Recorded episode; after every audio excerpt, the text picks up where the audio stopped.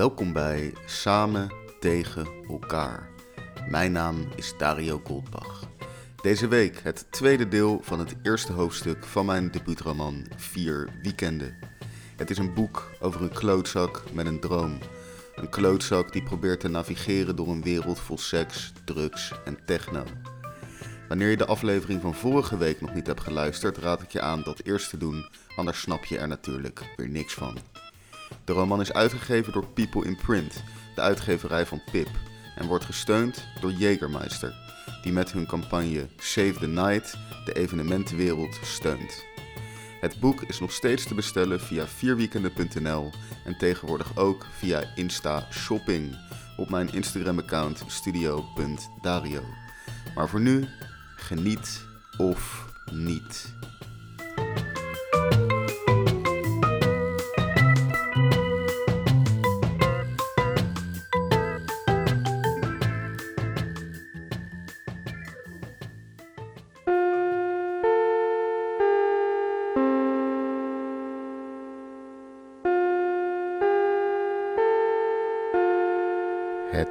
Hoofdprogramma gaat reeds van start.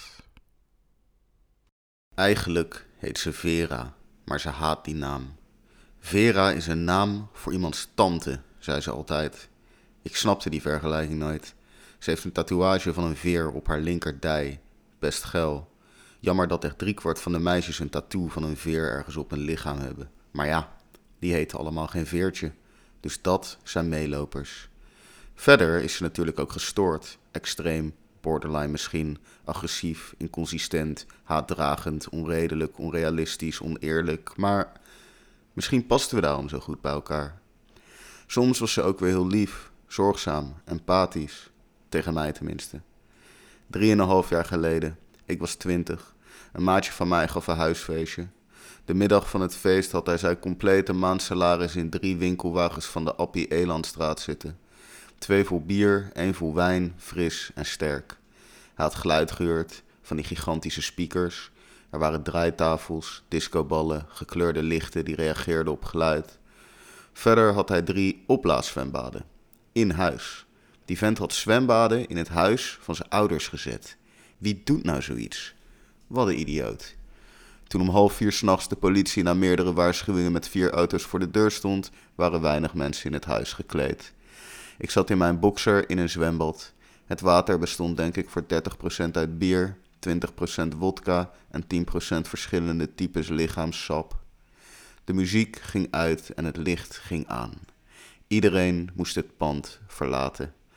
Maar iedereen was zijn kleren kwijt. Er waren meer dan 100 man in het huis die de politie niet echt halfnaakt de straat op kon sturen. In de chaos die hierop volgde ontmoette ik Veertje. Pas toen de politie het licht had aangedaan was duidelijk te zien hoe doorschijnend haar lingerie eigenlijk was. Ik fixte een trui en een soort joggingbroek voor haar. Buiten had ze het ijskoud. Ik was haar beschonken hittebron. En zo was de seks die hieruit volgde. Heet en beschonken, dronken en onhandig. Niemand kwam klaar. Ik zou die nacht kunnen zweren dat ik een waterbed had. Vanaf die nacht was alles anders. Ik had een vriendin. Door toedoen van de politie. Geen bekeuring, maar een beloning. Ik had nog nooit eerder een relatie gehad. Veertje van voren. Mijn perfecte match. De eerste keer dat we oogcontact maakten zag ik het. In die blik. Een soort nieuwsgierigheid in die ogen. Dit meisje houdt van seks. Ik wist het zeker. En wat een gekrijs kwam er uit haar mond in dat nepwaterbed. Ik dacht dat het met de drank te maken had, maar dat bleek later onwaar. Op dat moment had ik eigenlijk nog niks gezien. Dit was het tipje van de sluier, het topje van de ijsberg. Het kost haar enige weken om te vragen wat ze vanaf het eerste moment al wilde. Ik wil dat je me vastbindt. Het belletje rinkelt weer. In één oogopslag is het duidelijk. Een kenner.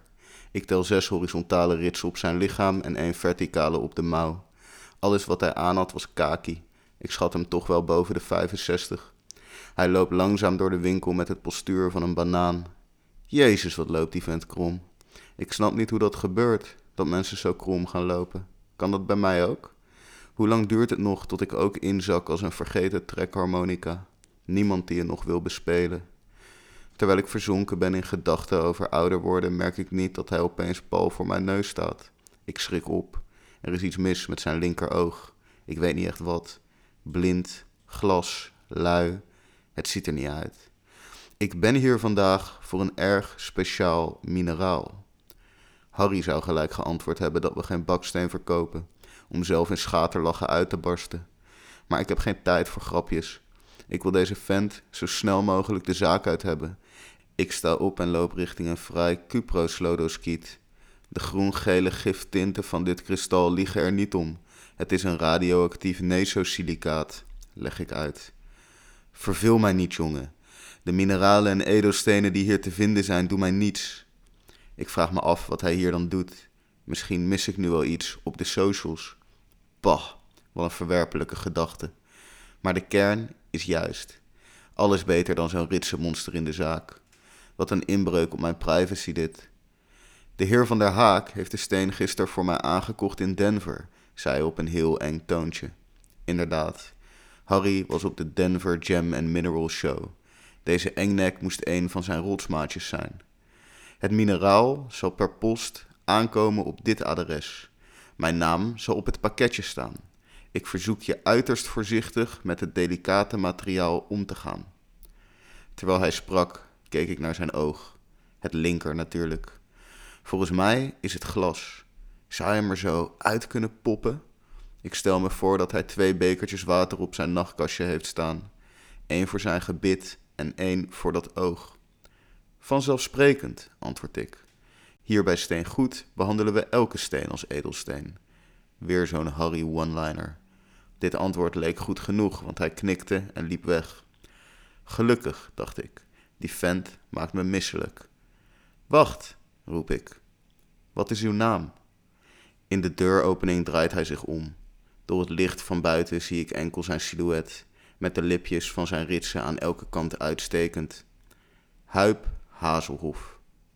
Hij is verdwenen en ik krabbel zijn naam op de achterkant van een steengoed visitekaartje. Waarom had die vent niet gewoon gebeld? Ik bedenk me dat hij waarschijnlijk niet weet hoe een telefoon werkt. Ik haat ouderen. Ze lijken op kinderen, hulpeloos en onwetend. Het verschil met kinderen is dat ouderen het hier oneens mee zijn. Binnen luttele seconden ben ik Huip Hazelhoef vergeten. Ik denk weer aan Veertje, aan die middag dat ze bij mij thuis kwam. Ik had er geen problemen mee om haar vast te binden, maar ik vroeg me af met wat. Maar deze chick kwam voorbereid. Uit haar rugtas haalde ze een touw, echt een fucking lang touw, opgerold en met een professioneel uitziende knoop vastgemaakt. Dit is 8 meter nylon, 0,9 centimeter dikte. Het schijnt het meest geschikt te zijn. Dit zei ze met zo'n staalhard gezicht dat ik even sprakeloos was. Oké, dat was mijn antwoord. Meer wist ik niet. Oké, ja, het vatte kort en bondig samen wat ik dacht. Niks echt. Het leek me zeker een geil idee om haar vast te binden, maar ik wist totaal niet waar te beginnen. Een zekere vlaag van onzekerheid overviel mij. Toen ik een jaar of vijf à zes was, heb ik zonder al te veel moeite mijn veterstrikdiploma in de wacht gesleept. Tijdens de ceremonie werd ik overrompeld door applaus, kushandjes en bossen rozen. Zeker nog anderhalf jaar ontving ik wekelijks fanmail voor mijn feilloze uitvoering van de platte knoop en de strik. Maar dit talent heb ik nooit gepusht en nu wist ik totaal niet wat ik aan moest met een meisje van 18 en haar 8 meter lange, 0,9 centimeter dikke nylon touw. Gelukkig besefte Veertje dat het niet zomaar een dubbele knoop was die ze verwachtte. Ga jij maar wat instructies googelen, ik heb zo hypnotherapie. Gelukkig, want ik voel een buikpijn opkomen. Nu realiseer ik mij dat haar buikpijn misschien wel werd veroorzaakt door mijn downloadgedrag. South Park, seizoen 19. Daar zat ik dan, achter mijn laptopje. Naast mij op het bureau lag dat touw. Het kwam van de gamma. Het was rood. Ik probeerde me voor te stellen hoe Veertje in die gamma liep om haar seksuele horizon te verbreden. Hoe ze aan zo'n 16-jarig pukkelpoppetje vroeg waar het 0,9 centimeter nylon ligt. Ik vroeg me af wat ik moest googelen. Voor ik het wist, zat ik op allemaal SM-websites. Ik sloot de tabbladen en wiste mijn geschiedenis. Daarna zette ik privémodus aan en begon opnieuw. Die avond stond Veertje in mijn kamer. Ze was naakt. Ik ook. Ik stond achter haar. Mijn piemel keek naar de vloer. In plaats van opgewonden voelde ik mij zenuwachtig. Zoals gewoonlijk was het huis leeg.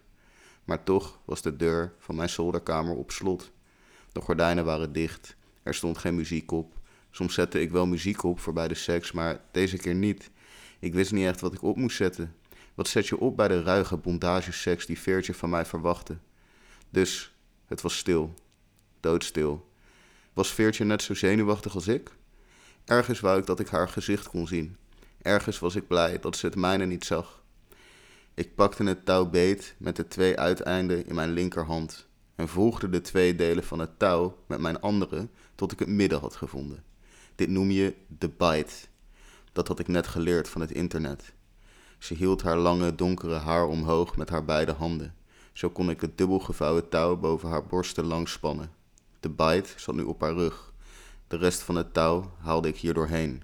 Ik trok het aan. Strakker, zei ze. Toen ik de opwinding in haar stem hoorde, gleden alle zenuwen van mij af.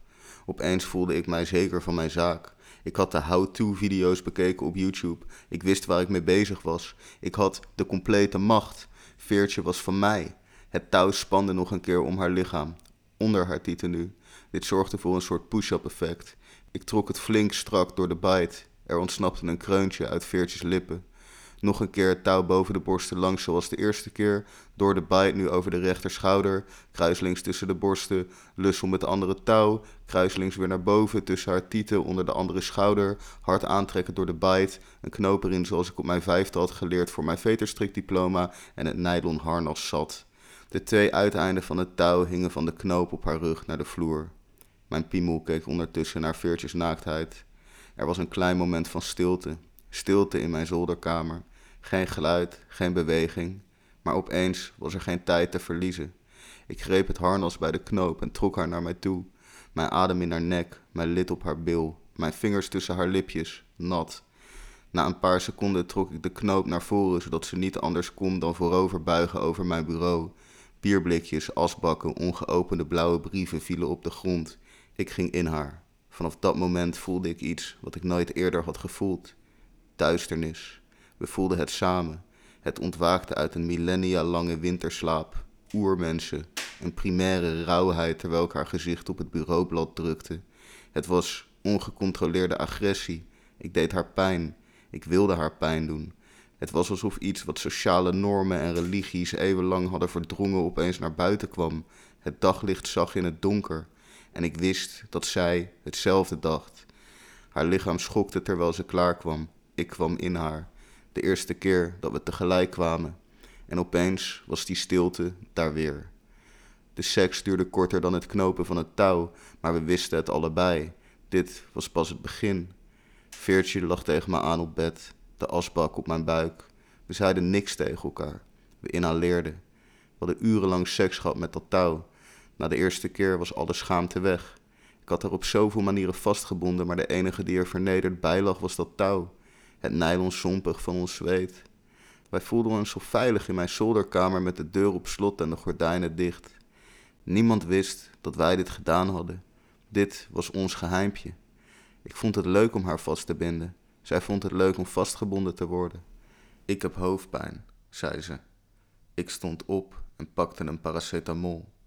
Ik struikelde half over het touw. Ze lachte.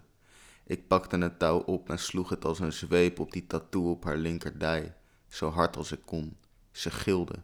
Daarna keek ze me weer staalhard in de ogen. Ik stapte op haar af, touw in hand.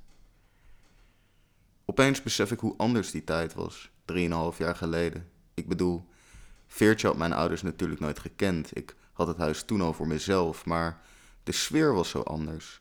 Ik deed de deur nog op slot, alsof ze elk moment binnen konden stappen. Dat dacht ik toen nog. Tegenwoordig is het wel anders.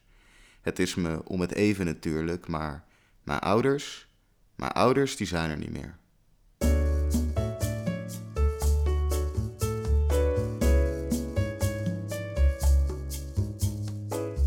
Bedankt voor het luisteren naar Samen tegen elkaar. Mijn debuutroman is beschikbaar via vierweekenden.nl en mijn Instagram studio.dario. Graag vraag ik jullie om deze aflevering te delen op jullie Insta-story en de botergeile Instagram studio.dario te taggen. Veel, want dit boek is belangrijk. De eerste druk is bezig uit te verkopen, dus wacht niet te lang.